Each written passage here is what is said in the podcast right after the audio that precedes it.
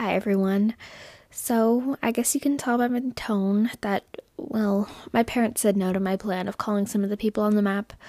So, first of all, they tried to say that it was illegal to record a phone call without telling the person on the other end, but since there was about a hundred names and numbers, I figured I could just ask everybody if it was okay to record, and if they said no, try someone else. And then my parents got real. They said that there were some things about the aces that I just shouldn't know, according to them. This really annoys me.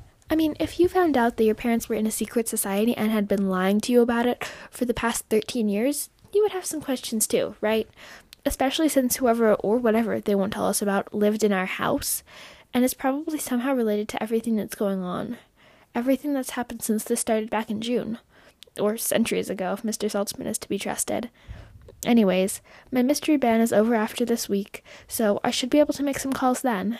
Until next time, I'm Zoe, and this is my life on lockdown.